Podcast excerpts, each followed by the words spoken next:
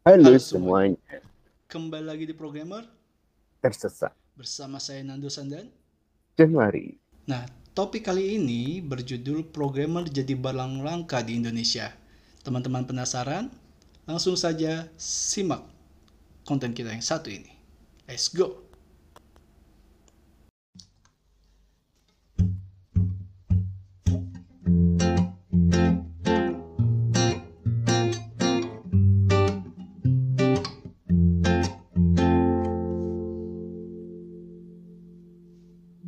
Tengah pesatnya perkembangan digitalisasi, pekerjaan sebagai programmer semakin dibutuhkan.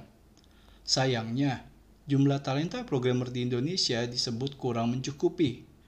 Saking sulitnya, Direktur Digital Bisnis PT Telkom Indonesia, Muhammad Fajrin Rashid mengatakan Indonesia harus merekrut programmer dari Vietnam, India, dan Australia. Nyari orang, nyari programmer susah. Beberapa bahkan akibatnya harus hire dari India, dari Vietnam, dari Australia, dan beberapa negara lain untuk memenuhi kebutuhan ini, katanya.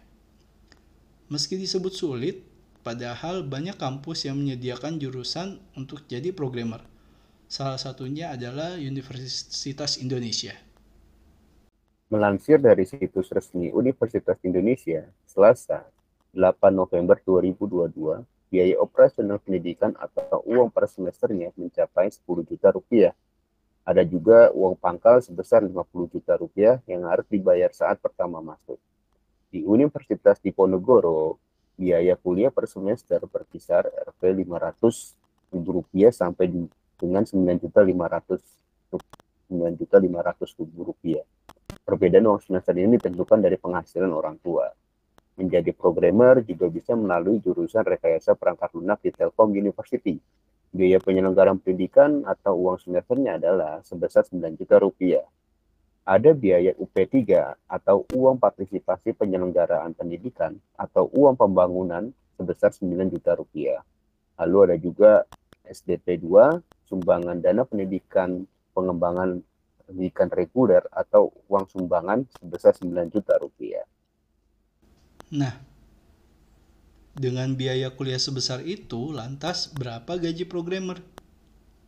Mengutip Glassdoor, eh, Selasa eh, tanggal 8 bulan 11 tahun 2022, estimasi gaji rata-rata programmer di Indonesia mencapai 6,3 juta per bulan. Namun, ada juga programmer yang bisa menerima gaji hingga 17 juta per bulan, tergantung level dan tunjangan yang didapat. Sementara itu, Salary Explorer mencatat pendapatan rata-rata programmer di Indonesia adalah 12,8 juta per bulan. Gaji terendahnya yaitu 5,8 juta. Sementara tertingginya adalah 20,3 juta. Lalu Indit memperkirakan gaji rata-rata programmer di Indonesia adalah 7,6 juta per bulan. Estimasi ini berdasarkan laporan yang diperbarui tanggal 6 September 2022. Itulah biaya kuliah dan gaji seorang programmer. Menurut kamu, apakah sepadan antara biaya kuliah dan gaji jadi programmer? Seperti itu beritanya, kita akan langsung react, oke? Okay? Nah, tadi kita udah bacakan uh, berita ya Jan ya dari uh, uh, Finance Detik ya Jan mengenai kelangkaan programmer di Indonesia ya Jan ya. Nah, sebelum kita bergerak membahas kelangkaan programmernya nih Jan, hmm. tadi kan di notis tuh uh, beberapa gaji dan uh, berapa budget yang dikeluarkan dalam pendidikan hmm. untuk programmernya ya Jan. Menurut lo gimana tuh Jan? Sesuai kah atau? Waduh, kalau dibilang sesuai atau enggak, sebenarnya balik lagi ya dengan kebutuhan masing-masing dari personalnya gitu kan.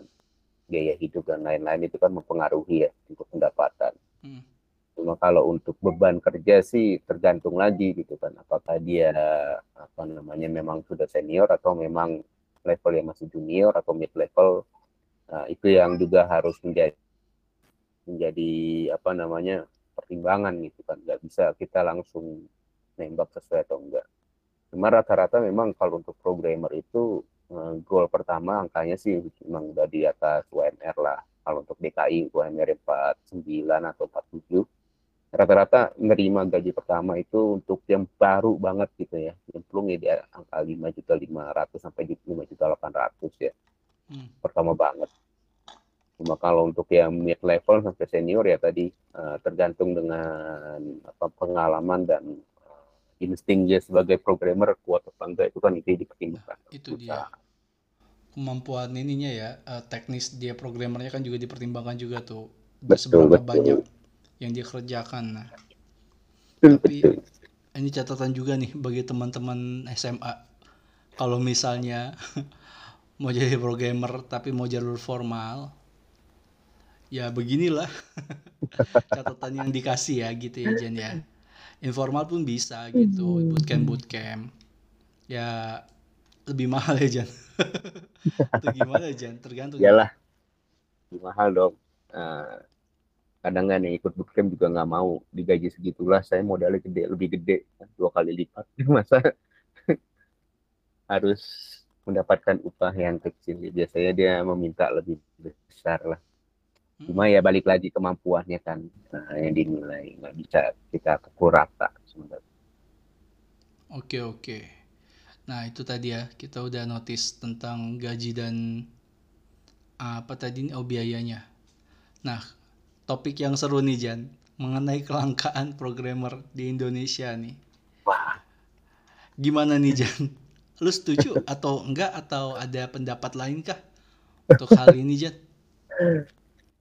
Setuju atau enggak. Sebenarnya kalau untuk fakta di lapangan ya fakta di lapangan mungkin enggak ya fakta di lapangan sih. Sudut hmm. pandang gue ya. Gue nggak tahu sudut pandang petinggi-petinggi yang lain. Ini kan yeah, sudut iya, pandang yeah, gue sebagai orang IT apalagi uh, ditambah uh, anak-anak SMK sekarang pun juga udah pada banyak yang jago-jago ya. Jadi yeah Jangan kan uh, SMK Jan. Di gue lihat tuh yang uh, uh, channel YouTube web programming Unpas SMP udah bisa belajar udah Laravel. Waduh. Bikin company company profile atau ap apalah bikin blog gitulah uh, gitulah Jan ya. Gila nggak? Sakti.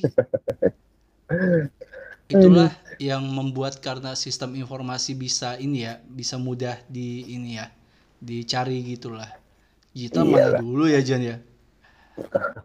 Warnet kita. Sebenernya, iya. Lanjut lanjut. Susah, kita susah. Hmm. Kalau dibilang susah sebenarnya nggak susah ya. Uh, balik lagi tadi uh, bahas uh, langka atau enggak langka ya. Mm -hmm. uh, karena gue juga lulusan SMK dulu 2011 jurusannya RTL rekayasa perangkat lunak. Di zaman itu aja dulu orang bilang wah susah gitu nyari orang IT, punya orang IT itu langka tahun segitu ya. Cuma dulu kita pun yang bekerja untuk mencari lowongan sebagai orang IT pun susah juga gitu loh. Betul, Jadi betul. ada dua supply and demand yang sebenarnya nggak nggak nggak nggak nggak matching ya. Iya. Ya bisa dibilang cocok-cocokan juga. Benar, gitu kan. benar. semuanya langsung diserap. Cocok-cocokan juga. Nah itu yang gua rasain dulu.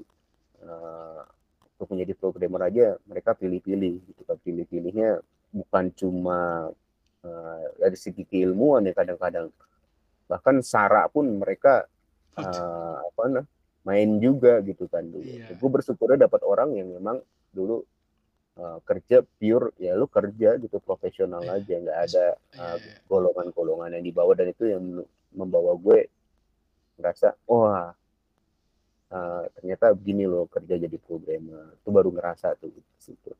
Terus di sisi lain Nah, kalau kita lulus juga kan di perguruan tinggi negeri atau swasta, kita kan bisa lihat sendiri ya. Uh, misalkan di tahun 2020 berapa sih lulusan programmer se Indonesia gitu kan? Mm-hmm. Salah satu kampus terbesar di Indonesia aja uh, Gundar deh, ya kan? Itu lulusan programmer aja udah banyak banget gitu kan. Ya kalau emang nggak bisa dibilang lulusan programmer, lulusan orang IT lah. IT-nya, tapi yang untuk berkecimpung dengan jadi uh, programmernya itu kali aja yang kayaknya iya. persentasenya sangat sedikit Seben menurut gua ya sebenarnya tadi sih bang uh, balik lagi ya kalau menurut gua uh, cocok-cocokan lagi ya gitu kan hmm. kadang-kadang kalau kita nyari kerja ya kadang-kadang perusahaan udah cocok sama kita terus ketika kita udah mau gabung kita kita yang nggak cocok sama perusahaan Hmm. Nah, terus balik lagi gitu kan Eh, kadang-kadang kita udah cocok sama perusahaan ini segala macam udah cocok ternyata perusahaannya yang nggak cocok sama kita Nah, makanya eh, sudut pandang ini tuh sudut pandang dari apa gitu belum kita tahu eh, apa eh, kebutuhannya gitu kan. Tapi kalau menurut gue langka atau nggak langka itu eh, nah, sebenarnya kalau diomong di sini kurang etis lah. Cuma gue tahu eh, apa permasalahan di belakang itu gue tahu sih. Namun eh, gambaran dari gue gambaran dari gue banyak teman-teman gue yang bukan orang IT atau penlulusan IT bukan orang eh, yang memang belajar programming dari nol Hmm. eh, yang sepengalaman gue dan gue ngerasain banyak banget yang bukan backgroundnya IT berkecimpung di bidang IT. Mm-mm. Gue mungkin kalau dari eh, teman-teman gue yang dekat gitu yang yang circle-circle gue tuh banyak yang dari lulusan geografi masuk ke IT. IT jadi uh, web dev terus dari sosiologi masuk ke web dev terus Hmm. dari uh, apa namanya dari matematika masuk ke data dan development dan lain-lain tuh banyak sih apalagi yang dulu lulusan SMA jadi development nah gitu tuh banyak banget sebenarnya mungkin melihat gajinya yang seksi gitu kan cuma uh, balik lagi sih Iya. setiap pekerjaan kan punya tanggung jawab ya kadang-kadang Iya. Uh, mereka kan uh, mungkin uh, bisa lah kalau untuk teknis itu kan diulang-ulang bisa. Tapi kadang-kadang mereka uh, agak lupa untuk masalah etiknya ya etik dari programming itu seperti apa terus uh, uh, apa namanya uh, komunikasinya seperti apa itu kadang-kadang mereka kurang paham. betul. uh, kadang juga lupa atau seperti apa yang akhirnya jadinya banyak masalah di kemudian hari. Mungkin ini yang harus dipertimbangkan juga sama teman-teman yang memang belajar otodidak ya silakan kita nggak mengarang memang IT itu banyak banget untuk otodidak ya, cuma didalami dan memang berkecimpung sama para pakarnya sih itu jadi jangan sampai lepas daripada para pakar-pakarnya kita Tapi Jan, menurut gua kayaknya terlalu berlebihan kalau bilang langka sih. Kayaknya kata Iyalah. cocok yang lebih tepat itu eh, eh, apa ya? Yang eh, belum sesuai dengan pasar yang qualified ya. diinginkan, eh, yang qualified gitu. Ya, ini mohon maaf kalau gua salah, correct me if I'm wrong gitu. Kadang silabus kuliah tidak sesuai dengan eh, ada beberapa lah yang tidak tidak ma- mismatch juga kan dengan yang permintaan pasar itu yang eh, jembatannya gitulah Iya, connect connect connectingnya itu kita juga sering bicara kan ya jadi kayak tempat kampus Mhm. kita gitu kan ini teknologi udah old banget tapi kenapa ini masih dipertahankan dan pasar udah bergerak lebih jauh untuk menggunakan teknologi lain yang bisa mensustain bisnis perusahaannya itu itu yang eh, sangat iya. disayangkan. Jadi mungkin melihat ini oh mungkin langkanya di sini. Bisa jadi. Apalagi kan tadi dia bilang eh, kita harus merekrut orang dari Vietnam dari lain-lain gitu kan yang setahu gue Viet, kenapa orang banyak ke Vietnam? Karena sumber, apa, sumber daya dan tenaganya bisa dibayar lebih murah tuh bahkan bisa Hmm. seperempat ya gaji di Indonesia gitu. Kan ya makanya kita harus melihat sudut pandangnya. Apa lu yang bilang eh, itu eh, apa namanya? Langkanya langka nggak bisa kita pukul rata. Kalau dibilang lulusan IT banyak loh kita lulusan IT yang nggak bekerja di bidang IT, nggak di bidang programmer yang memang antara kalian nggak serap atau atau sebaliknya gitu kan. Mereka tidak terserap gitu kan. betul Ini yang menjadi catatan gitu. loh. Makanya mungkin eh, mainnya bisa lebih jauh ya gitu kan. Main ke kampus-kampus, kampus kita gitu kan lain-lain. Ini yang menjadi PR bareng sih gitu kan. Jadi kita nggak ngelihat dari satu sudut pandang atau cuma perkataan yang uh, cuma buat rame-rame doang sebenarnya. Iya, eh, faktor faktor eksternalnya juga banyak untuk mempengaruhi hal ini gitu maksud gue. Jangan karena tidak sesuai dengan perusahaan langsung dia bilang langka. Menurut gue kayak hmm wow wow. Gue tidak menyalahkan itu ya. Iya, mungkin karena waktu itu dia juga kondisinya lagi butuh tapi sesuai dengan standar yang diinginkan gitu. iya. Mungkin standarnya terlalu tinggi kan. Jadinya ya ada yang qualified deh. iya. sebenarnya juga uh, kita uh, mungkin untuk lulusan yang di bawah tahun 2019 kali ya di bawah 2019 2018 lulusan SMK RTL atau jurusan ilmu komputer lainnya mungkin merasakan tuh dampak teknologi itu waktu itu masih belum terlalu besar. Oke. Okay. Belum sebesar sekarang, belum seramai sekarang. Hmm. Banyak apa ya bisa dibilang banyak jalan terjalnya gitu dulu. Iya. Kalau kalau kalau sekarang kan kerasanya lebih wah ini gampang nih, ini gampang nih gampang jalannya udah ada jalannya udah ada. Cuma untuk lulusan yang 2018 kayaknya sekitar 2018 ke bawah lah itu masih banyak banget loh dulu kita yang uh, benar-benar susah gitu untuk nyari uh, pekerjaan di bidang kayak gini gitu ya. Dan kadang-kadang pun saking susahnya juga perusahaan nyari akhirnya ya udah rekrut aja, rekrut aja, rekrut aja. Rekrutnya pun mereka pun uh, apa ada uh, pelatihannya sendiri dan lain-lain untuk memperkuat uh, keilmuan di bidang programmingnya, kayak gitu. Jadi mungkin kalau dibilang langka sebenarnya kalau untuk sekarang udah nggak langka ya apalagi Pak Jokowi kan salah satu bapak yang menjadi pionir digital kita juga kan. Makanya jadi rame kayak gini. Dicanangkannya 2014 2015 pun baru rame pun. Sebenarnya kalau menurut gue ya menurut gue tuh ramenya itu setelah covid. Atau sebelum covid lah. Menjelang masuk covid tuh udah mulai rame tuh. Pas covid tuh meledak gitu. Hmm. apalagi kan uh, kebutuhan digital pas covid tuh tinggi banget kan. Oh, iya. Nah, baru tuh uh, mungkin baru naiknya di situ dan apa yang dicita-citakan sama Pak Jokowi baru terrealisasikan gitu. Mm -hmm. Dari 2015 baru terrealisasikan 2020. Gitu. Nah, itu yang menurut gue kalau dibilang angka nggak tepat sih, supply and demand aja sih supply menurut gue. Iya, iya, iya. supply and demand kan ada qualified-nya kan. Gimana qualified-nya gitu loh. Mm -hmm. Kasih tahu dong qualified-nya gitu. Jangan kita cuma lempar isu aja. Betul betul. Kalau isunya terlalu tinggi kan, eh kalau qualify itu terlalu tinggi kan, ya sudah pasti langka semua. Minta, minta programmer, speknya Elon Musk. Ya Aduh. Ya langka dong. ente kadang-kadang ente. Kita minta programmer gajinya yang eh, dua juta lima ratus atau juta lima ratus ya nggak ada dong. Ya modalnya kan beli komputer mahal. komputer, internet. Iya, iya, iya, iya, iya. Ya gitulah ya Jan ya. Uh, keluh kesah tentang uh, berita ini ya. Semoga bisa menjawab ya teman-teman ya tentang makna langkanya itu sendiri sih. Ini kan menurut kita ya.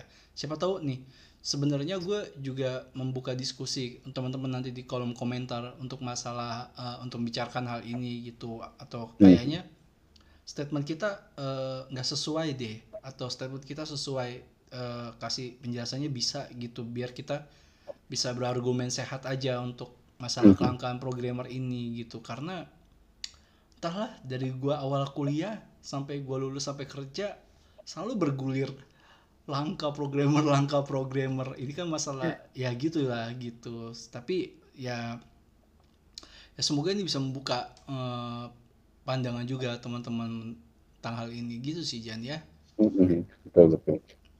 Ya oke okay lah. Hmm, seru seru seru. Banyak banyak ininya perdebatannya tentang langkah ini. Isu dari 2000 berapa ya 10 lah kalau gua mah dari 2010 2010 2011 ya? sampai sekarang masih aja begini ya. Nggak berubah berubah ya kan orang kan makin banyak ya iya. kalau dibilang langka langkahnya di mana? Gitu. iya iya iya iya. ya emang gimana ya IT lagi seksi banget ya Jen ya? Seksi banget sih. Seksi banget apalagi sih. menuju Indonesia emas 2045 gitu. Iya gitu loh. Masih banyak yang bisa ya beda ya sama Singapura ya. Kan udah tertata baik kita kan bisa membereskan banyak hal dengan ya, IT ini gitu. Ya sebenarnya IT kita masih simpel sebenarnya digitalisasi ya mm-hmm. belum sampai ke sistemisasi atau betul, betul. automatisasi itu mungkin itu next step sebag, uh, sebagian udah cuma masih jauh lah untuk menuju ke sana digitalisasi ini lebih penting sih karena harus meratakan dulu iya. dan ditingkatkan dulu uh, kualitas sumber daya manusia Kalau Iya. tadi balik lagi kalau dibilang programmer langka, ya kalau kita ibaratkan emas eh, satu karat sampai 24 karat gitu. Ya semuanya emas gitu. Ibaratkan semuanya programmer. Sekarang lu mau nyari programmer yang berapa karat gitu. Mm-mm. Kualifikasinya berapa karat. Kalau lu carinya di eh, karat yang 23 23 karat ya langka lah. Apalagi nyari yang 24 karat gitu kan. Tapi kalau yang nyari karatnya 8, 8 karat, 10 karat gitu kan. Ya mungkin banyak gitu. Kayak tadi supply and demand-nya itu dilihat sudut pandang supply and demand-nya. Dan akhirnya gue ngerti Jan, kenapa bootcamp-bootcamp IT ini muncul. Sebenarnya untuk mengkoneksikan si gap ilmunya itu kan antara pasar dengan Iya. Buat di ini, buat apa? Dipoles biar tadi yang satu karat dipoles jadi kayak 10 karat Nah, gitu gitu. Nah, sisanya menuju ke dua tiganya nanti di tempat kerja. Iya. Nanti kalian teruji lah. Nah, kita nggak bisa cerita. Kalian harus coba dulu gitu. sangat seru, sangat seru. Buat Mantap. percepatan lah bootcamp. Ya, bootcamp itu percepatan ilmunya gitu. Tapi kalau untuk eh, soft skillnya emang lu harus coba di tempat kerjanya gitu. Ya. Politik-politik kantornya, Drama kantor ya. drama kantornya, ya begitulah ya. Ada lagi lah itu bagian tersendiri nanti kita buat episodenya. Kita berhenti sampai sini dulu aja ya, Jan ya. Ada yang mau tambahin Oke. lagi? Udah. Udah ya. Nanti makin emosi Januari kalau mas Aduh, aduh, langka. aduh. Langka, Kok saya yang langka. emosi kan bapak yang emosi dulu. Bingung ah. Ya udahlah. Thank you ya teman-teman eh, udah mau mendengarkan kelangkaan kami. Aduh. Eh, jangan lupa untuk subscribe eh, konten kita biar kita merasakan AdSense AdSense YouTube biar bisa Uang, menjadi uang, kaya uang uang uang biar eh, makin banyak pencerahan-pencerahan buat programmer-programmer tersesat tentang langkanya programmer ini. Waduh. Waduh, jangan lupa Langkanya share. BBM. Oh, Maafin Januari ya Pak, Bu, teman-teman. Emang Januari. Jangan lupa share, jangan lupa komen, jangan lupa kasih like. Udah itu aja ya. Sampai ketemu di konten selanjutnya. Bye bye. Bye bye.